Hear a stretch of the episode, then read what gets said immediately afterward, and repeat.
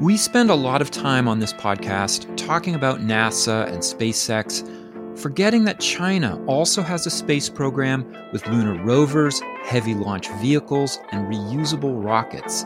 They are serious about getting to the moon, and they may get there before NASA.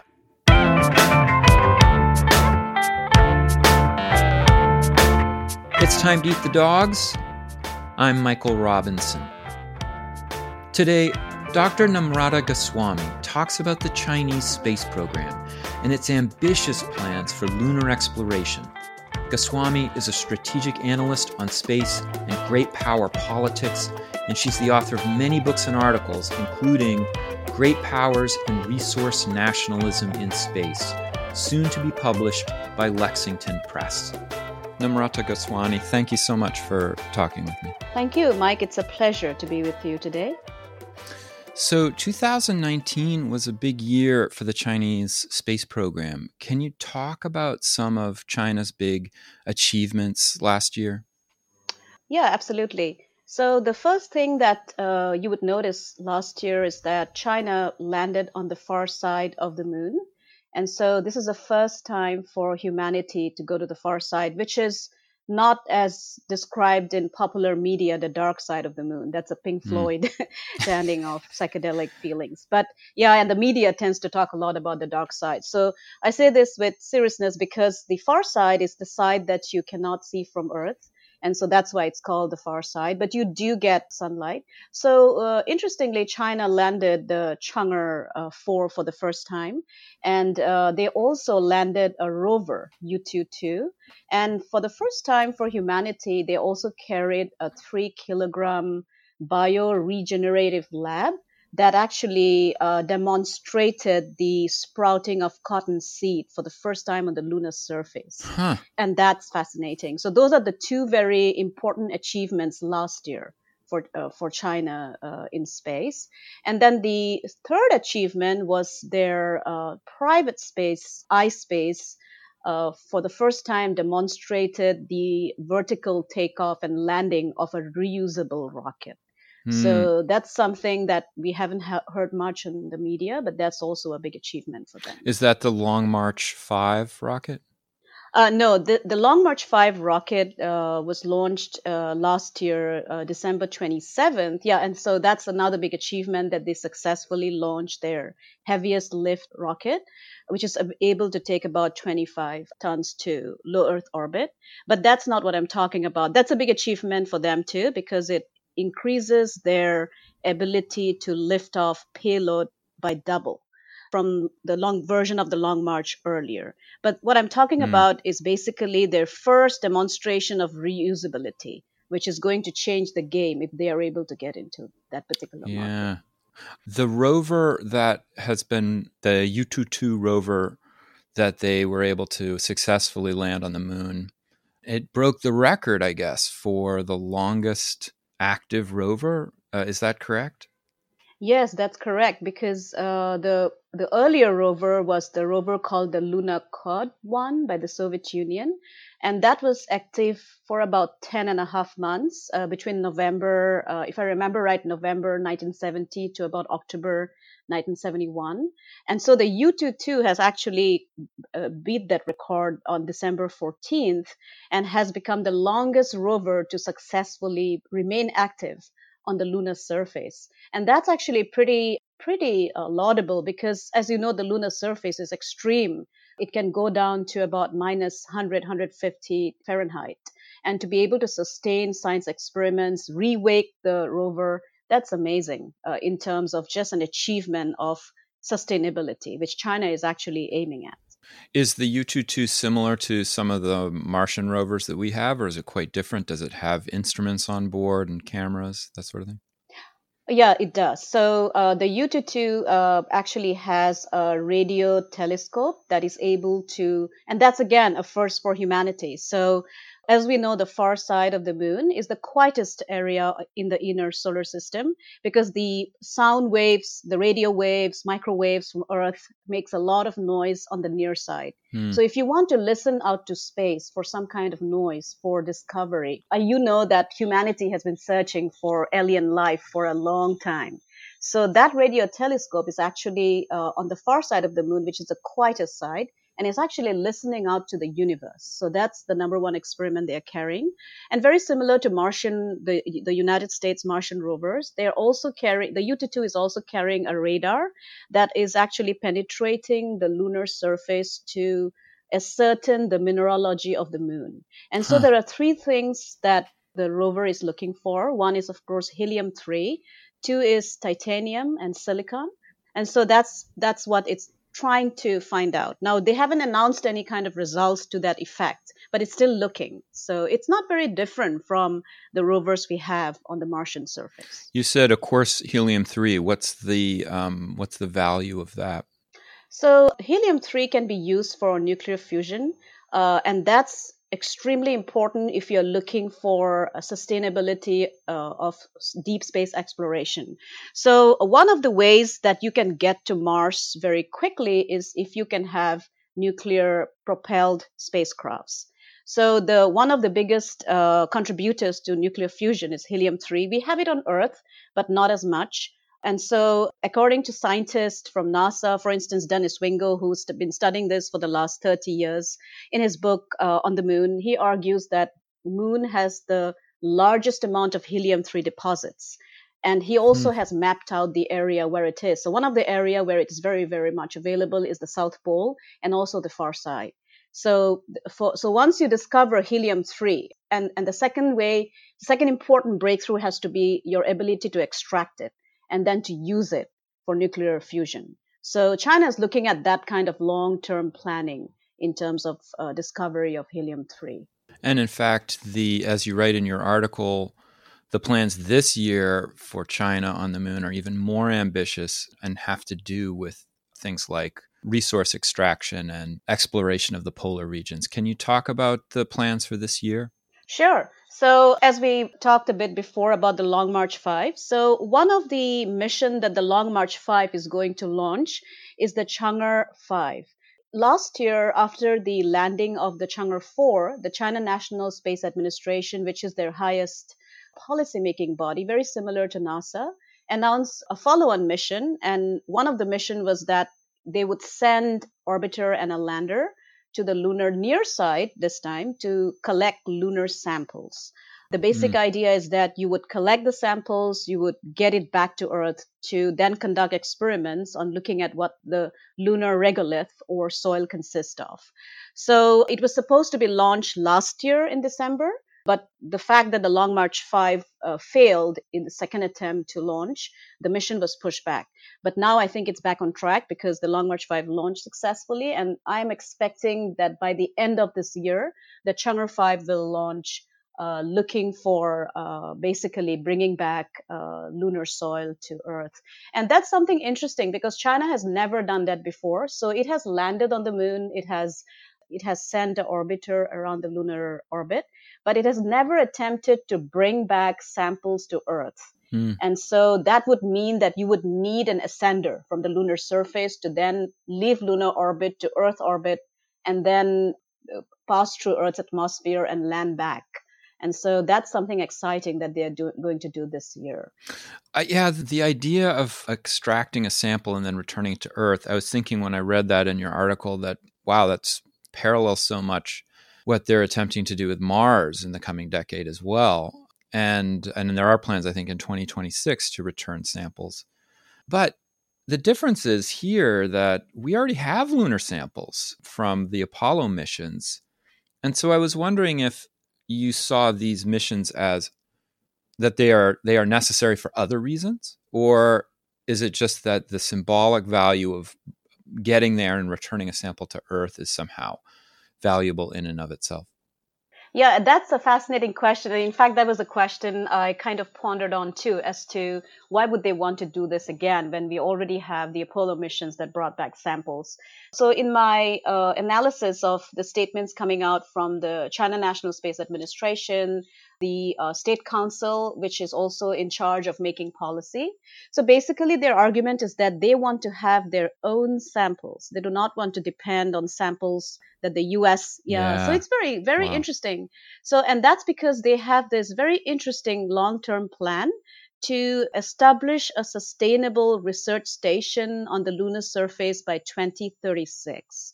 And so this is this is not something that they're doing out of I'm sure prestige and reputation plays a part, but if you listen to their scientists, uh, for instance, Ye Peijiang, who is called the father of the Chang'e missions, uh, or uh, you know you listen to Wu Weiren, who's their chief designer. Their argument is that if we want to achieve that goal of long-term sustainable presence, we must have our own samples to analyze and to have an ability to return to whenever we want to without having to seek permission. So I think it's a very interesting uh, way they are looking at their lunar program. I had two NASA historians on recently, um, Glen Asner and Steve Garber, who were writing about long term planning at NASA. And as I was reading your article, I was thinking a lot about that and the kind of the comparisons between the U.S. and the Chinese space program, which you know NASA is a it is a federal program, a federal civilian program, but it you know it has the difficulty of having to create long-term missions on really short-term budgets. You know, the budgets are always changing and then the you know Congress and the presidency is always changing. So there's this constant attempt to, you know, maintain continuity through all of these crazy different financial and political environments. And I was wondering how that compared with China because you've been you've been talking about you know these programs as being already conceived of as 20 years long. So how does the Chinese system compare to NASA? Yeah, so I think the main difference between the Chinese political system and the US political system is that the US system is a democracy and you have to have a change of administrations either every four years or eight years. Uh, and you also have a turnover in the U.S. House of uh, Representative or the Senate, right?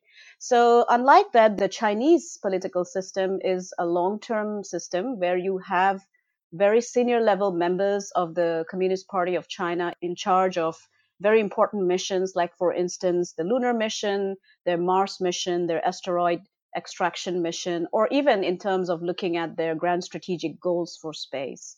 And what is different is that because you are a Communist Party member from a very young age, you have the Youth Communist League that you join as a student uh, in school, as actually in high school, and then you go about building your reputation to climb the ladder. And so your commitment to a particular ideology based on which all your other activities are, are basically funded is a long-term commitment. And the, the, mm. the hmm. beauty of that is in an authoritarian system, you do not have to go to the people to then, you know, ask for being able to represent them. You have self-selected yourself going through the different schools and indoctrination as being part of the Communist Party. And so that's why the ability to commit resources for a longer term is much more possible. I'll give you an example to make that clearer. Yeah. So, for instance, uh, China agreed to fund their lunar mission around 2002, 2003. And the, the idea that they want to establish a sustainable presence on the lunar surface in the next 20, 25 years was actually expressed at that time. And I've been tracking their lunar program, and they seem to be able to maintain that continuity. Now, contrary or in opposition to that, if you look at NASA, or for instance, the United States uh, commitment to go to the moon, I, if I remember right, you had George Bush Sr., who talked about going back to the moon uh, from the steps of the Air and Space uh, Museum uh, in DC. Uh, and he actually identified the goals that China has been talking about uh, when he was president. So he argued that the moon will offer us a very sustainable way of understanding how to become a spacefaring species. We have to go back. It's not about just going back and coming back. It's about establishing human spacefaring capability. And he actually directed NASA to focus on that particular policy direction. But guess what happened? And then President Bill Clinton, uh, he became the president, and the focus changed to Mars, and Moon was left yeah. behind. And so, if you see what I'm saying, so it depends in the U.S. on the presidency and who are the advisors, what is the mission that is exciting, and the continuity sometimes gets cut off. Some people have argued that the Chinese space program is really just this current enthusiasm or fad for junior officials. And you argue that that's not correct, that this is a robust program with support that goes way up to the top on both the military and the civilian side. Uh, why, why do you think that? Well, because if you look at the policy statements and the steering of the program. It included very top level scientists, for instance, as I mentioned in the program before. So the people who are talking about focusing on developing a research station on the moon by 2036, uh, developing robotic capability to uh, analyze the lunar surface, sending a lunar mission to the south pole of the moon by 2030. The, the people talking about it are not junior scientists, as some people argue. Mm. Because when I look at their arguments and look at their facts, they don't seem to offer anything. They make these arguments, but they don't name the people who are talking about it. And yet, when you look at Chinese statements, you look at their conversations, uh, you look at their interviews, you find top level scientists, as I was mentioning, like Wu Weiren, at the forefront yeah. of pushing for a lunar program. Uh, you have Ye Pei Peijiang, who was awarded the highest civilian honor uh, last year in the 70th year celebration of the establishment of the PRC. And then you have Xiang, who's the chief scientist of the, the China Lunar Exploration Program, who actually articulated way back in 2011 that China has to go back to the moon and has to not just conduct science missions, but have to have a mission that looks at the moon as a reservoir of new energy. And he was the one who identified the moon as a rich resource in terms of helium 3, uh, which is basically fuel for nuclear fission, as, as, I was talking about. And, and then you have uh, Ye Peijiang, who's a very senior level Communist Party member, who in his side interview after his participation in the 19th National People's Congress basically argued that if China does not go to the moon now, uh, this was uh, in 2017, if I remember, uh, but please correct me, I might be wrong on the year. But, but during that time, 2017, 2019, where he argued that uh, if China does not go back to the moon and establish some kind of presence first, we are going to be answerable to our younger generations who will accuse us of giving up the higher ground huh. because the moon offers so much of resources which are going to be helpful for China's space program. So let me dig into that a little bit because these projects uh, that that China wants to set up, granted over a long period of time, but they are incredibly ambitious. I mean, to set up bases on the moon for resource extraction and this and the resources they're extracting that they're most interested in are elements that they can use in fusion reactors that currently don't exist for spacefaring to other planets. I mean, that sounds like it almost sounds like Kim Stanley Robinson and you know the the colonization of Mars. I mean, it's incredibly ambitious. And so I guess my question is to what degree do you view this as practical programs which have an endpoint and to what degree is this aspirational stuff that that has other motives behind it um, so if you look at their aspirational context and then the what they are doing today and within what framework are they arguing it so the as i said the aspiration is to become a spacefaring civilization the aspiration is to be able to use the moon as a base to understand how you live in space. Uh, because granted, mm. we are not, as human beings, we are not adapted to the environment of space. We need a lot of add-ons to help us. So, so basically, the aspirational goal is to become the number one space uh, faring nation by say 2045.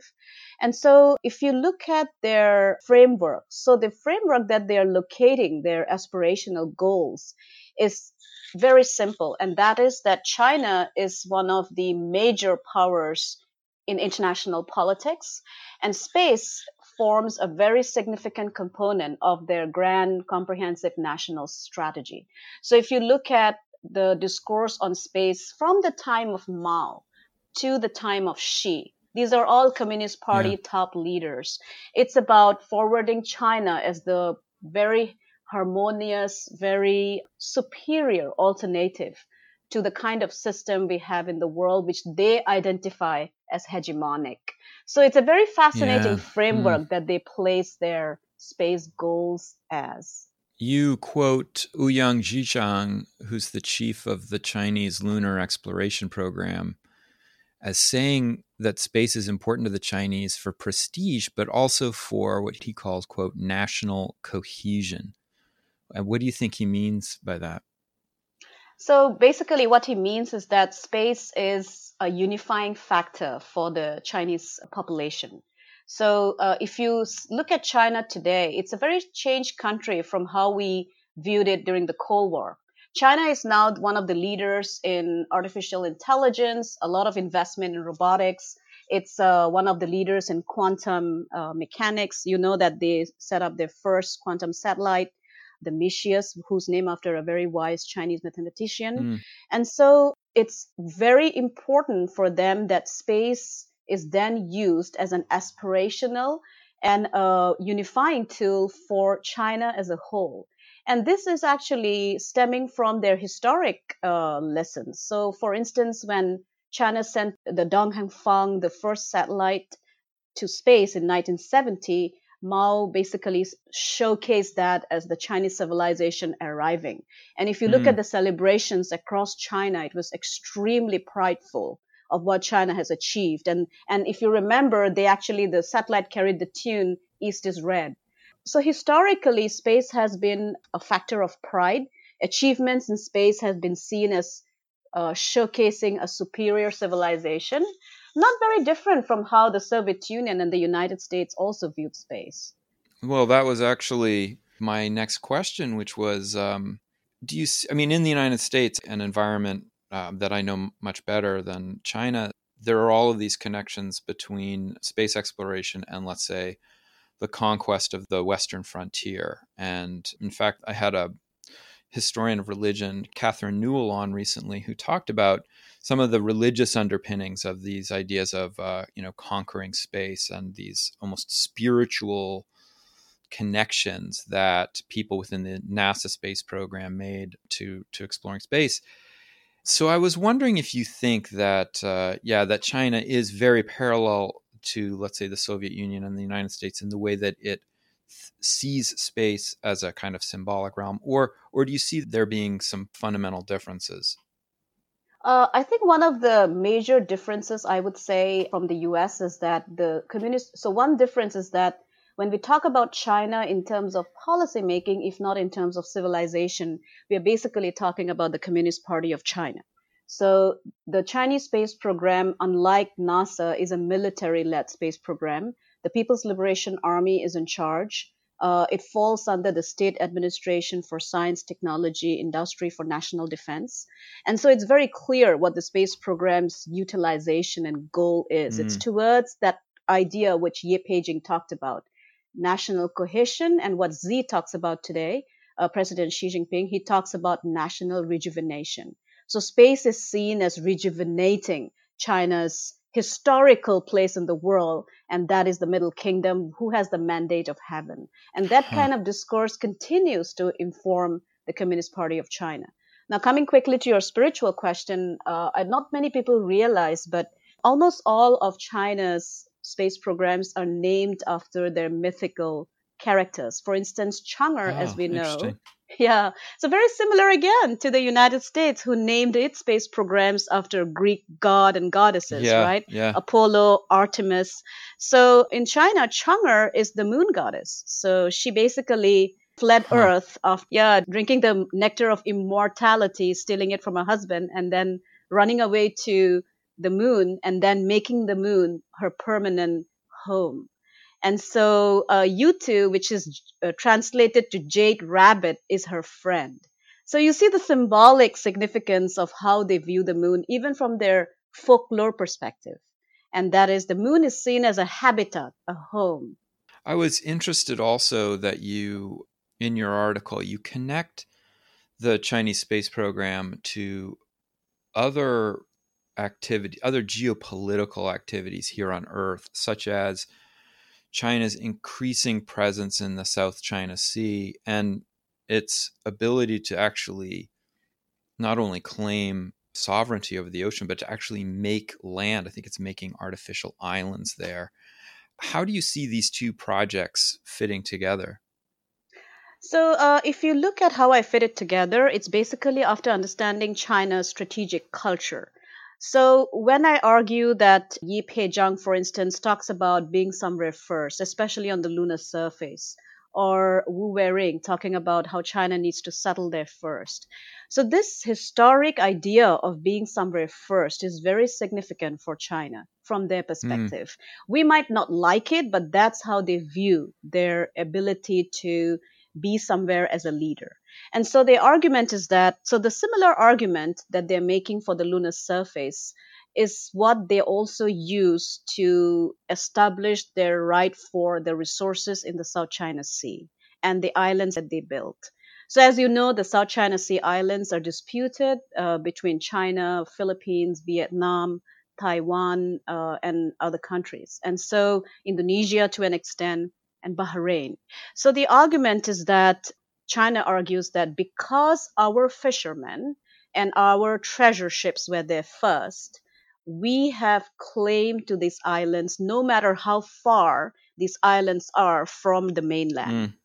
And so my concern, if not my worry every night in the long term, is that given the fact that Chinese discourse on the South China Sea started getting very, very assertive, after the U- United Nations uh, discovered that these areas also had a lot of resources undersea. And so the question is that now we think the exploration of space is very benign. But if you see what even private companies in the US are talking about, for instance, SpaceX or Blue Origin, who talk yeah. about colonizing Mars and going to the moon and extracting resources. So think of a situation where you find resources on the moon it benefits China based on their own understanding of history and strategic culture that they should be there first for two reasons. One, that would enable them to then build into their basically building their ability to craft the rules of who gets to get somewhere or who can land somewhere. And second, being first uh, gives them the idea that then they can form the rules of engagement when it comes to a space based huh. economy. You know, one of the things that I, when I'm talking to other, you know, historians or especially space historians, when we when we look at the United States or the Soviet context, is is that you know trying to figure out long-term projects for NASA or for SpaceX now is very difficult because the political and financial climate is so different from the way it was in the during the Cold War in the in the 60s, especially. And so, in a way, it's like, look, you know, you want to go, you want to send humans to Mars. These are massively expensive projects, and we are not engaged in a ideological battle to the death with the Soviet Union. Well, when I look at China, China doesn't have that that environment at all, and yet it seems to be building this space program bit by bit towards really ambitious goals. So, I guess my question was have they figured out a different model to actually do the things that people are constantly talking about here? Yeah, I think uh, if you listen to one of their chief scientists, uh, Wang Shiji, uh, who is the father of their Long March rockets, so I think their model is different from the United States or from the Soviet Union as well. I know there is this tendency to compare US China competition to the Cold War. I would argue that I don't think that model fits because unlike the Soviet Union, China is very much involved in the global economy. It's going to become the number one economy by 2050, uh, according to PricewaterhouseCooper. We are talking about a country that is very different from how the Soviet Union was till it collapsed in 1991. Yeah. So that's the number one point. The number two thing is that I think their space model is not about looking at space as a support function to their military or basically a place that we go and come back to showcase our ability to at least be able to land on the lunar surface or go to low Earth orbit. I think their model is basically looking at space as a geography, as an area that they can then utilize for the national rejuvenation of their country. And they're very serious when they're arguing these points. And, and mind you, these arguments, I'm sure they take inspiration from NASA scientists like Paul Spudis, who talked about this 20 years ago in his book on the moon. And so I think the model to get to space is very different from them. It's not about getting to Mars today or tomorrow. I think they're focusing primarily on developing their lunar capability because I think their scientists have come to the conclusion that unless we are able to sustain ourselves on the lunar surface, use it as a base and use it as an area to conduct experiments, I don't think we'll be able to sustain ourselves in Mars. So, so Mars is a long-term goal. They haven't articulated much about it they seem to be focusing much more on the moon. Wow. Namrata Goswami, thank you so much for talking with me. Thank you, Mike. It's a pleasure. That's it for today. The music was composed by Zabrat. Make sure you check out the Time to Eat the Dog's website podcast links and other exploration related stuff. And if you get the chance, please take a minute to rate and review the show wherever you get your podcasts. It really helps make the show visible to new listeners. And if you want to recommend a guest or make a comment, feel free to contact me at time to eat the dogs, that's one word, lowercase, at gmail.com. See you next week.